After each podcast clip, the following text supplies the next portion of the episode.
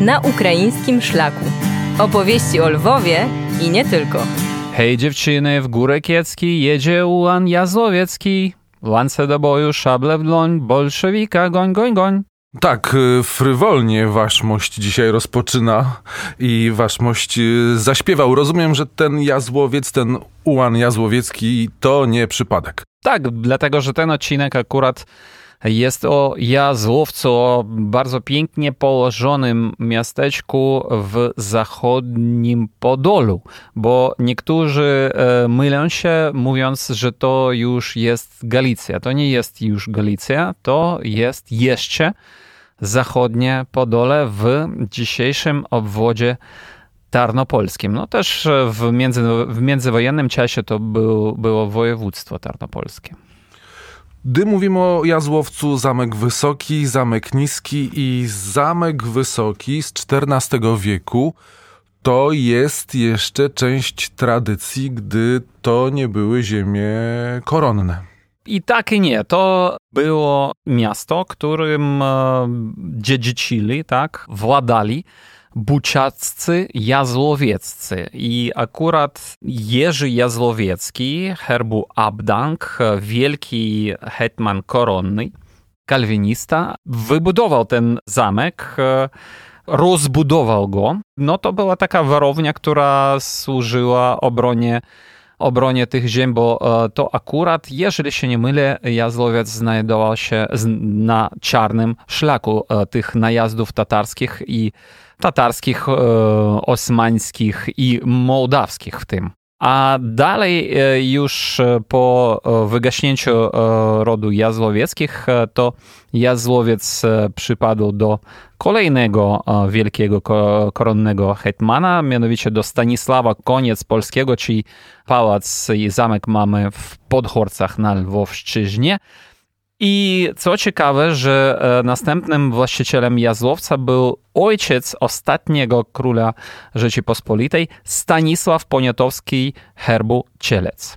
I z nim jest związany zamek niski, który był później wybudowany. Dokładnie. I ten niski zamek on nie wygląda nawet jak zamek, on wygląda jak pałac, ponieważ on był przebudowywany w czasach paniatowskich i w tych czasach po prostu mm, otrzymał ten kształt, który ma do dnia dzisiejszego. I ważne, że w tym akurat niskim zamku teraz znajduje się a znajduje się od e, jeszcze 1863 roku, co prawda z przerwą, zakład sióstr niepokalanek. Zakon ten e, był założony przez błogosławioną Marceliną Darowską, e, która, która jest pochowana tam na terenie tego zakładu. Zachował się bardzo piękny i unikatowy dla Ukrainy grobowiec. Takie grobowce można zobaczyć chyba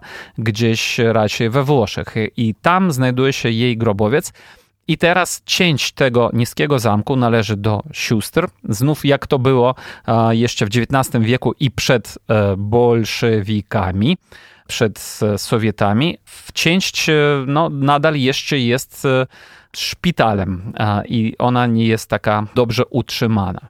Jazłowiec to miasto jak nie jedyne na Podolu związane było i w dużym stopniu dominował tam żywioł ormiański, czyli kupcy ormiańscy. Dokładnie i w, Jazło, no w ogóle Jazłowiec można powiedzieć, że było w większości takim ormiańskim um, miasteczkiem z prawem magdeburskim, co ważne.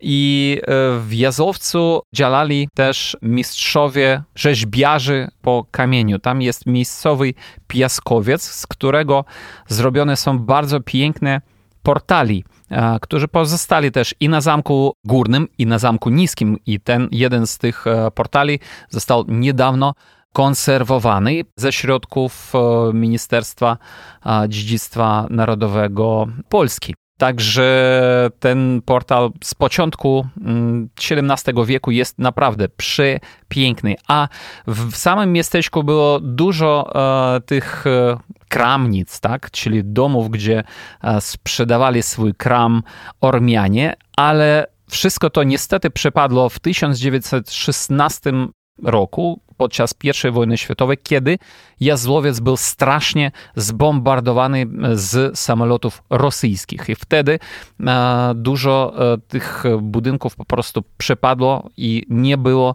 już odbudowane. Trzeba też powiedzieć, że e, Ormian też już w tych czasach było bardzo mało, bo na ich miejsce przyszli kupcy żydowscy. Ale ormiański kościół e, został, pozostał, on jest z XVI wieku i e, teraz służy jako cerkiew grecko-katolicka.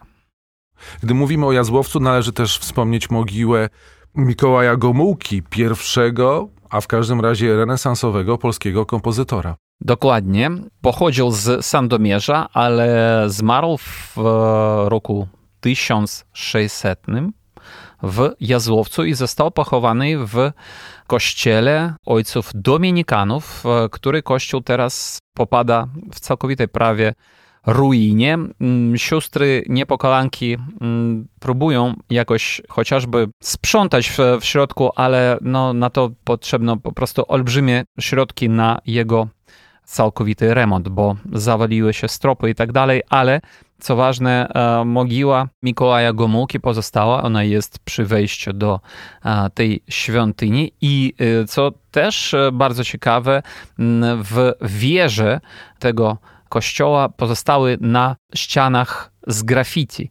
Z graffiti jeszcze z początku XVII wieku niektóre i to jest po prostu unikatowe rzeczy, bo tam też są z graffiti nie tylko z imionami i datami, a jeszcze z jakimiś tam zdaniami. To, to jest e, unikatowa e, rzecz, która wyróżnia też e, ten jazłowiec.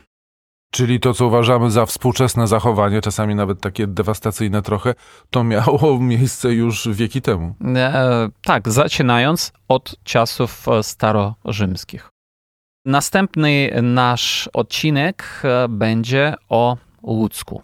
Drodzy słuchacze, to jest y, moment, gdy trwa rosyjska agresja na Ukrainę. Nie znamy dnia ani godziny, kiedy nasze zabytki, kiedy zabytki wspólne, pamiątki historyczne Ukrainy mogą zostać uszkodzone. Byliśmy już świadkami takich momentów w czasie tej fazy agresji, dlatego ten podcast ma na celu przybliżenie tych miejsc, które są dla nas y, tak ważne. Opowiadał Państwu Dmytro Antoniuk, a ja nazywam się Wojciech Jankowski.